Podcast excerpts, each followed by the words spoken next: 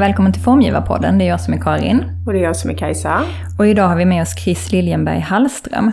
Chris är utbildad möbeldesigner vid Kungliga Konsthögskolan i Köpenhamn och designar interiörer, utställningsobjekt, produkter och möbler för hemmet och samarbetar med företag som Skagerrak, Design Within Reach, plus Halle och Frama. Hon har mottagit otaliga utmärkelser för sitt arbete, nu senast Finn julpriset som hon blev tilldelad tidigare i år. Hej Chris och välkommen till Formgivarpodden. Hej och tack, jätteroligt att vara här. Kul att ha dig här. Ja. Eh, anonymitet, igenkänning och öppenhet är återkommande teman i ditt formspråk. Men hur skulle du beskriva din designfilosofi? Hmm, ja, alltså just det där med filosofi, designfilosofi har jag frågat om eh, förut. Och jag har nog haft den känslan alltid, filosofi kan jag inte riktigt relatera till. Relatera till. Alltså det, det känns ju väldigt stort på något vis att ha en filosofi. Det är liksom erkännandet av moral och allt möjligt. Liksom. Men, men jag har metoder, helt säkert, som jag använder mig av. Och mest av allt så, eh, så skriver jag jättemycket. Och försöker alltid komma fram till någonting som jag tycker på något sätt är relevant. För den som ska använda, nu är det mest möbler jag har gjort, men som hitta någon vinkel liksom som, som jag känner är relevant. För vi har så mycket grejer redan i världen liksom, så det måste, jag måste hitta min väg i det. Och, och det är jätteviktigt för mig att jag tycker jag hittar någonting som kan göra någon glad.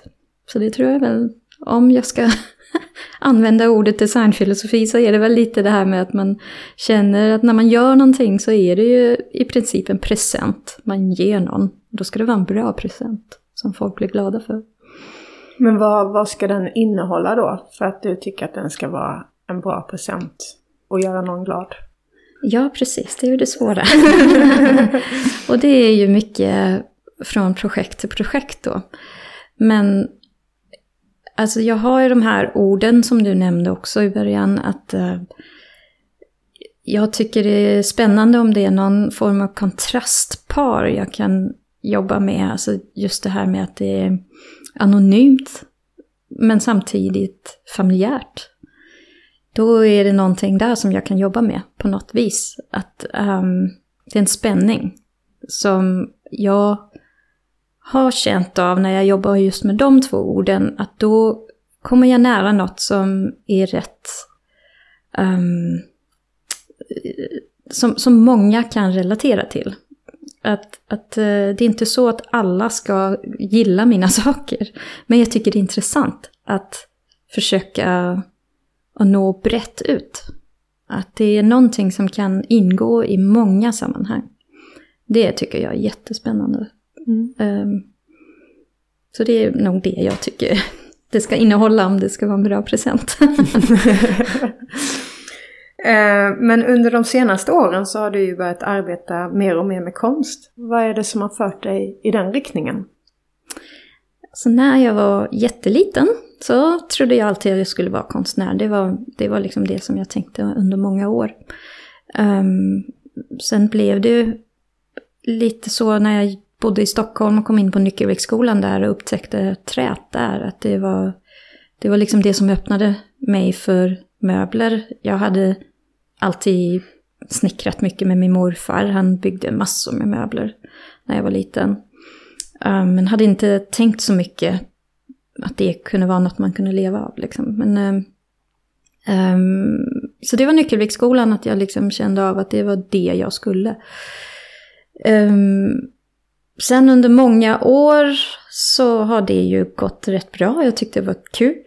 Och, men eh, ett tag innan pandemin så började liksom också känna att eh, designbranschen är... Eh, ska man säga, det är kanske inte branschens skuld direkt. Alltså det, jag är mycket känslig. Um, och jag tycker det, så, det finns så mycket skit. Mm. och det finns så mycket skitsnack också mm. i, i den här branschen. Liksom. Det är egentligen inte för att utställa någon. Jag tycker folk är snälla och trevliga.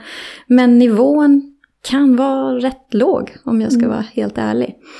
Och jag blev tröttare och tröttare på det. Och kände också att jag hade jobbat väldigt mycket. Och det var deadlines och det var... Man skulle kompromissa en massa. Och jag tycker ju bäst om när jag har gjort en möbel till en utställning. Där jag har gjort allting själv och så kommer det någon efteråt och bara tar den. Så är det lättare för mig också att kompromissa om vi behöver göra det.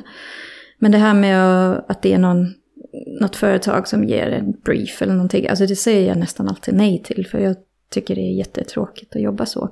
Det är inte alla som tycker det. Det är inget fel heller. Men jag tycker det är jättetråkigt. Och kommer inte... Jag känner väl inte riktigt att man använder designens fulla kapacitet om man inte litar på att de kommer fram till vad företaget behöver. I, I ett samarbete förstås, men eh, jag har ju provat ibland, speciellt med amerikanska företag, då är det ju nästan en sån, ett recept. Som jag tänker man bara kan stoppa in i en dator och så kommer någon färdig grej ut. Alltså det är inte, det är inte kreativt och det är inte speciellt roligt tycker jag. Och var nog rätt stressad innan pandemin, men då hade jag börjat på eh, utställningsidén utställningsidé som liksom där jag broderade. Och det har jag gjort sedan jag var liten. Jag har alltid broderat men jag har aldrig använt det i en, en professionell sammanhang. Det har mest varit hobby. Och så skrev jag en massa, vad är det det kan det här? Vad är det, varför tycker jag det är så roligt med det här? Vad är det det ger mig? Vad, hur kan jag göra min grej med broderi? Liksom? Och eh, alltså det är inte så att jag önskar en pandemi direkt, men den kom rätt Lägligt. Precis. det, jag hade börjat med broderiet innan och, eh, och sen fick jag ju tid att bara jobba med det. Och det har väl gjort att jag har kommit längre och längre bort egentligen från design nu. Tänk, jag står ju i en jättebra situation, jag känner mig jätteprivilegierad. Jag kan säga att jag gör en produkt om året, om den är rolig. sen så, så, eh, så broderar jag bara hela tiden nu. Och är lite vansinnig kring det. Men det är ju jättespännande. Men jag tänker också, det, um, för det är mycket som är skevt ändå med designbranschen. Mm. Men om det var något speciellt som fick dig så här att tippa over. Så här, det här, nej nu, nu spelar jag inte this game anymore. Ja, alltså. Det är egentligen svårt att peka på för jag har ju haft jättetur att jobba med några företag som faktiskt har varit otroligt um, ansvarsfulla i, i hur de har utvecklat sig. Alltså jag har gjort mycket med danska företaget Skerak. Mm. Som ju är B Corp certifierad. Men samtidigt tycker jag nog att vad är det jag bidrar med? Liksom? Vad är det...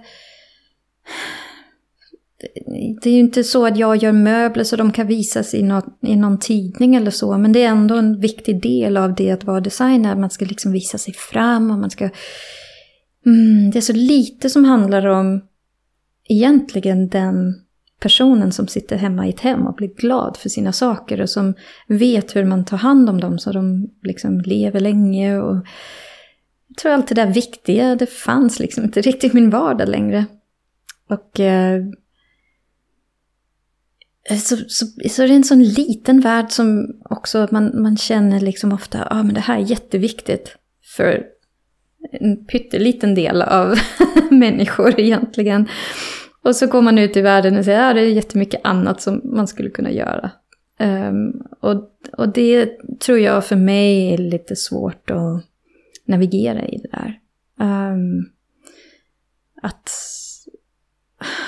att det är så mycket som... Alltså nu tycker jag faktiskt i Sverige finns det faktiskt mer recensioner på designområdet eh, än det finns i Danmark. Vi har knappt något liksom, i Danmark som är bara aningen kritisk. Liksom. Mm. Och det tycker jag är jättetråkigt. Vi måste prata om det som kommer ut. Är det här viktigt eller är det inte viktigt? Varför ska vi se på den där stolen? Alltså, vi har ju redan den där. Det är inte för att allt ska vara gammalt från 50-talet eller så. Men ska vi göra något nytt så ska vi också kunna prata om om det är bra nog. Mm. Och det tycker jag inte riktigt händer. Så du saknade lite också en eh, riktig kritik som var i Absolut. många, många lager då. Både Ja. hållbarhet, estetik, men också kanske större frågor kring typ vad är relevant att designa idag. Ja, verkligen. Alltså, jag tycker ju på andra konstområden, musik, teater, film, konst ju speciellt, har vi ju eh, duktiga recensenter och har en fin liksom dialog tycker jag egentligen. Folk vågar också prata lite mer om, jag tycker inte folk har ett språk för design. Alltså de köper väl vad som är, som alla andra köper. Det Ja. är svårt att ha sin, alltså att bedöma det riktigt. För det är så många företag som ju också bara gör saker som är, ja men det där företaget har en sån stol, vi måste ha något liknande liksom. Så, det, så kan man få en sån uppgift. Alltså hur tråkigt är det som designer liksom? Så jag, jag tror att det har kört iväg på något sätt som i en riktning jag tycker är tråkig. ja. Hur eh, ser din kreativa process ut? Um, oftast så går jag med någon idé eh, som ju är jättesvårt att peka på hur precis det kom sig. Jag tror de flesta designers är jätteduktiga på att se sina omgivningar. Alltså, se någon rolig grej i någon hörna eller se någonting som inte funkar eller en fin form på en ja, någon konstig grej någonstans och så kan man ta det vidare. Um, det kan jag ofta ha liksom några former som jag ritar ner och sen börjar jag egentligen skriva eh, efter det. Att jag har någon känsla av någon eh, stämning som jag vill komma fram till. Och då brukar jag skriva mig fram till vad det är för stämning. Eh, som ett exempel jag använder ofta, det är liksom ett tänkt exempel som jag aldrig har jobbat med, men jag brukar använda det. Ehm, att om man nu vill göra någonting eh, för att göra disksituationen roligare. Alla tycker att det är tråkigt att diska. Nästan alla. Det är vissa som tycker det är roligt. men, men det är liksom, då kan man ju gå till det så här, ja men man gör en, en rolig grej man kan diska med som ser ut som en liten gubbe eller någonting. En lite Alessi kanske, liknande grej. Ehm, men om man tänker på det mer som en situation istället för en funktion. Att, att det är inte bara det att diska, att det är hela situationen kring det. Då är det kanske en playlista eller eh, någon konstig matta som masserar dina fötter samtidigt. Eller ehm, en helt ny kran som kan något annat. Alltså, det är ju, då, då får man en massa svar till riktningar man kan gå i om man tänker stämningar istället. Så det tycker jag är, är jätteroligt att tänka på stämningar och börja skriva in mig på det. Och då, när jag har gjort det så känns det som att formgivningen kommer lite av sig själv efteråt. För jag har en massa svar då på vad är det jag vill uppnå med just den här möbeln. Och då får jag svar till vilka material jag kan välja. Och, ja, så det, det är oftast det här med att jag har någon liksom, känsla av någon stämning eller situation. Och så kommer skrivandet och så kommer att jag ritar och bygger och så. Men det är ju ganska spännande. Då är det som att du skriver dig fram till din egna brief. Ja, absolut. Ja, ja, men det är en bra poäng faktiskt. Det som företagen inte får göra åt mig liksom. Jag göra allting själv. Ja, ja, men, det, ja men det är rätt precis egentligen. Ja. Ehm, du berättar ju nu då att du jobbar mer med konst. Mhm. Men, eh, eh, och att du ibland tar uppdrag. Men hur, hur ser liksom royalty-systemet ut i Danmark? Eh, är det liksom liknande Sverige? Och vad, hur många produkter behöver man ha i produktion för att få en skälig lön? Liksom? Ja, det där är ju jättesvårt. Um, alltså, det liknar nog det svenska systemet rätt bra. Men även här i Sverige tänker jag att det är olika kontrakt eh, med olika företag. Liksom. Men eh, eh jag får oftast 5% i royalty mm. på, på de grejerna jag har gjort med danska företag då. Får du skissarvode först då? Eller? Ja, ja, nu gör jag. Ja. det är ju också en sån konstig grej, för det gör jag inte i början. Jag, jättetidigt gjorde jag ett projekt med ett spanskt företag och där fick man ett skiss, skissarvode. Um, för det var politiskt beslutat att man måste få det. Det tycker jag också man borde ha i Sverige. ja, alltså det är ju jättekonstigt vi inte har någon, varken i Sverige eller Danmark, som, alltså vi har ju långa designtraditioner i båda länder och det är ju jättekonstigt att man politiskt inte har säkrat designers på det viset. Det är klart I och med man... att man vet ju inte om, det man, alltså, om produkten kommer komma i produktion och då ska man ju åtminstone få för de timmarna. Ja, precis. Och ibland så vill de ju ge någon upfront belopp.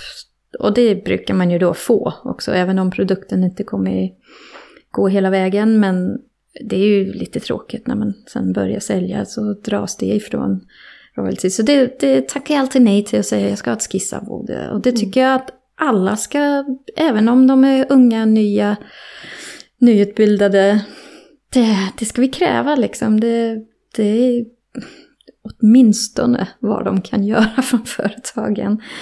Det tycker jag. Ehm, det är ju jättesvårt det här med hur många produkter man ska ha i produktion för att leva på det. För det, det är ju väldigt olika hur mycket företagen kan sälja.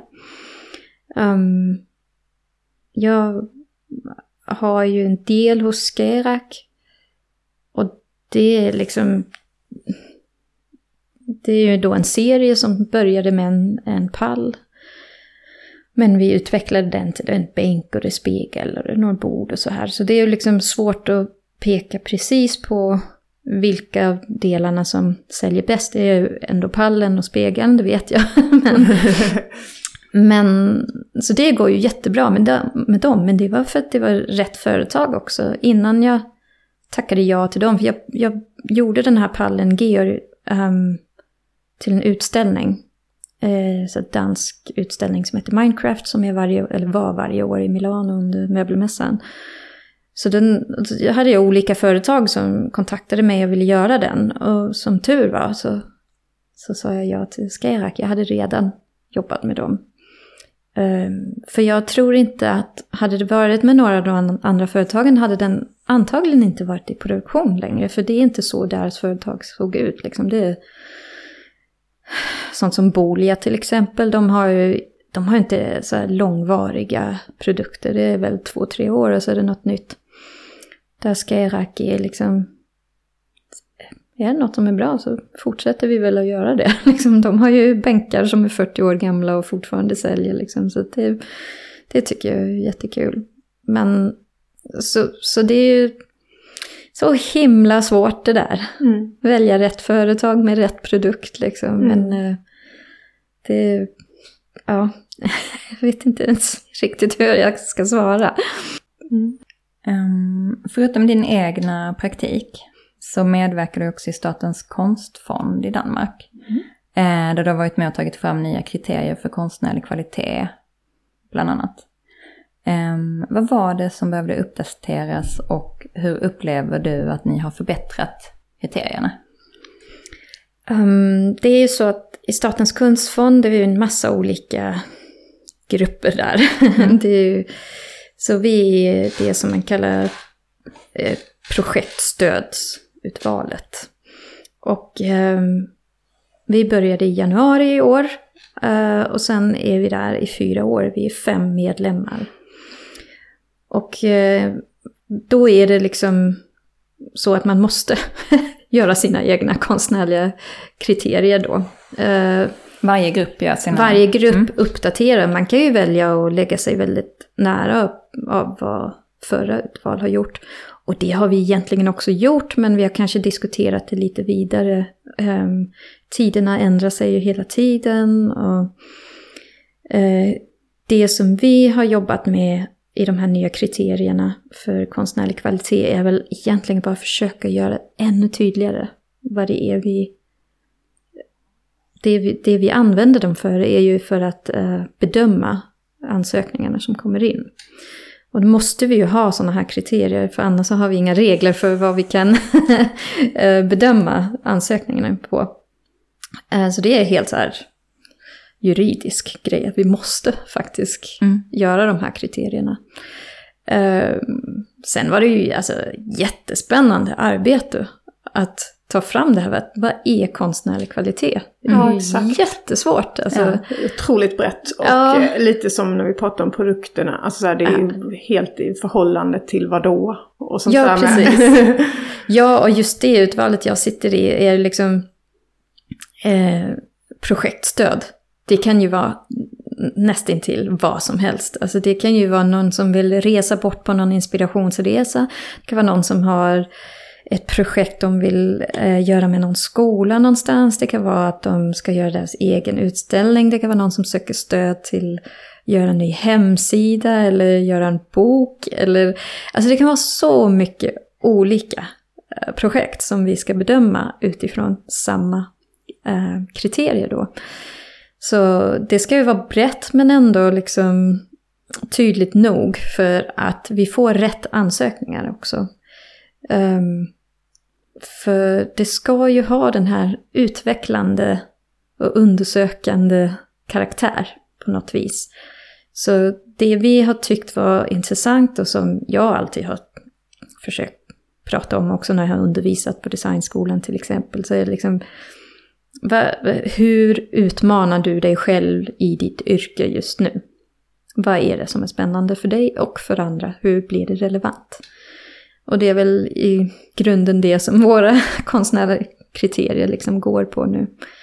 Men det, det är jättesvårt att liksom prata. Vi, vi hade några övningar vi gjorde. Alla tog med sig en massa olika exempel på vad vi tyckte var så helt fenomenalt design. Mm och pratade om det alltså, väldigt länge. Vi har haft många möten, många dagars arbete med att ta fram de här nya kriterier. Och det var jättespännande för vi är ju i den här gruppen som jag då tillhör nu, Statens konstfond. Då sitter jag som liksom är, sitter med möbelkompetensen då och så är det en, en eh, han gör smycken, guld mest. Um, och uh, det sitter en som jobbar med, med immateriell design, service design. Hon är egentligen utbildad textilare men jobbar mest med service design. Så är det en professor i designhistoria och en... Um, ja, hon är också idéhistoriker men har varit kura, kurator och skriver och så. Så vi har en rätt bred, liksom... Ja, representerad rätt brett egentligen, vilket är ju bra. Men då hade vi ju en massa olika exempel på vad vi tyckte var verkligen hög kvalitet. Och det, det lärde vi oss jättemycket av, att liksom diskutera det. Men kunde ni se några gemensamma nämnare alltså, mm -hmm. i de grejerna som ni hade valt ut? Alltså, eh... Ja, absolut. Alltså, jag tror nästan vi var vi var rätt eniga om allt. Men vissa av projekten var också något som jag hade sett förut men inte kanske riktigt tänkt så mycket över. Så då mm. är det ju också det här med att höra någon argumentera för det. Det hjälper ju ofta. så, så på det sättet är det också intressant. Att vi, och vi gör den övningen hela tiden. Liksom, håller på att berätta för varandra. Liksom, nu ska vi prata om den här grejen. Och pratar vi om det liksom, mm. i, i botten. Liksom. Det håller oss ju... Liksom, ja, måste ju vara ute och se saker hela tiden och veta vad som händer. Och, och vad som behövs nu. Alltså vi har ju också... Det håller vi på just nu med att ta fram vad vi vill satsa på de här fyra åren. Vad är det som är jätteviktigt att ta tag i. Och inom Statens konstfond är det ju då, eh, man måste eh, jobba för projekt som kommer ut i landet och som kommer ut till barn och unga. Så mm. det är mm. liksom det viktigaste. Det är inget som vi har valt, det, det, är, det är statligt. Det är statligt beslutat, mm. ja. Eh, har du något eget drömprojekt? Åh, oh, wow. Mm. The sky is the limit. limit, ja. Alltså jag skulle ju jättegärna vilja göra en eh, så här stora broderade äh, textilier kanske till någon kyrka eller någonting. Jag är egentligen inte speciellt troende själv, men tycker det rummet är så himla intressant. Um, och ja, så det drömmer jag lite om. Jag är jätte, jätte avundsjuk på Andreas Eriksson som ska göra till Lunds domkyrka. Mm. Det blir så fint, ja du förstår. ja, det kommer Men, bli fantastiskt. Ja, det kommer bli mm. väldigt fint. Alltså det, det är nog ett drömprojekt att få lov att göra till någon jättelik, jättevacker byggnad någonstans. Men då är det mer konstnärlig utsmyckning? Ja, mm. det är det faktiskt. Och det hade kanske inte varit det svaret för tre, fyra år sedan. Men eh, eh, ja, ja ni, har, eh, ni har fått mig på en konstig tidpunkt här. att jag knappt känner mig som designer längre. Liksom. Men, eh, och vad har du i pipelinen just nu? Alltså, jag på lördag öppnar min första soloutställning med de här broderierna. Spännande. Ja. Var då någonstans? Det är på mitt galleri som jag har i England.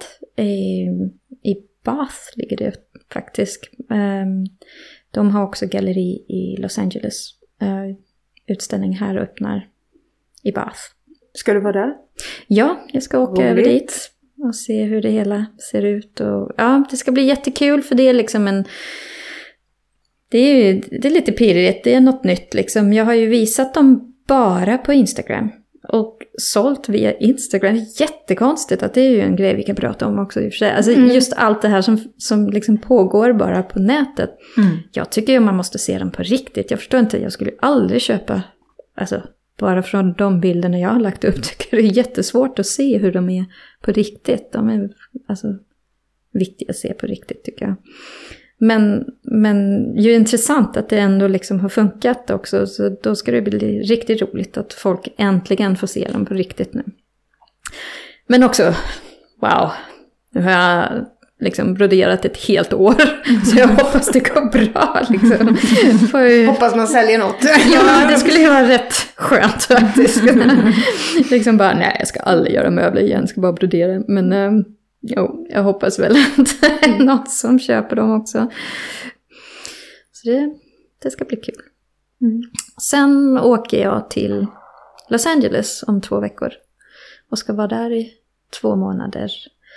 Så det är egentligen... På Artist in Residence? Eller? Ja, precis. Mm. Det var genom eh, Statens konstfond i Danmark. Det var ju innan jag själv satt där.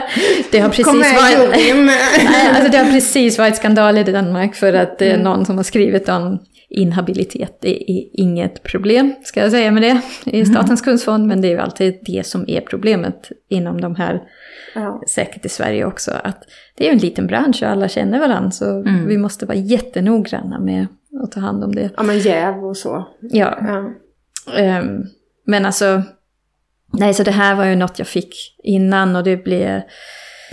Jag skulle ha varit där uh, förra året men det var ju fortfarande, fick vi inte åka. Man fick ju inte komma in i USA fortfarande då. Så det, jag ska åka dit nu. Men um, men det är egentligen en ny grej också för vi håller på, jag håller på med två amerikaner och gör en dokumentär mm -hmm. om konst, design, arkitektur och hur det liksom påverkar Samhället oss. eller? Ja, och samhället. Så det, det Gud vad spännande! Ja, det är jättekul och det är ju ingenting jag någonsin har gjort förut. Men det är jätteroligt. Så vi började i våras där jag var där. Och vi åkte runt i öknen och i Los Angeles och alla möjliga konstiga ställen var vi. Och så var de här i, ja de var i Köpenhamn och sen åkte vi till mitt hus i Småland lite. Nu ska vi då fortsätta. Men det kommer ta lång tid att göra det, men det är jätteroligt. Så, men vad är din roll i den dokumentären? Alltså... Alltså uh, det här Artist in Residency där jag ska vara i ett hus som heter Fitzpatrick Leland House som är ritat av R.M. Schindler. Som Men var... var det här Pettersson och Hein också var? Ja, precis. Mm. Ja. ja de, har, de har ju nästan precis kommit ja, hem. Precis. Ja, det var samma ställe. Um, Och, och jag utställde förra sommaren, utställde i den här arkitektens eget hus som har blivit museum nu, ligger nära där jag ska bo. I hans, det är ju ett annat hus då han har ritat.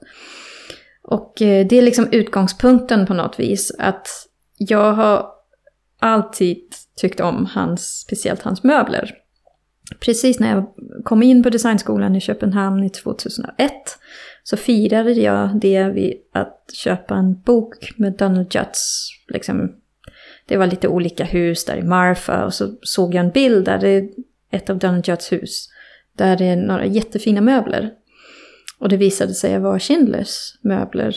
Och eh, det har liksom påverkat mig rätt mycket alltid, de där möblerna som jag aldrig har sett eh, på riktigt, bara i den där boken.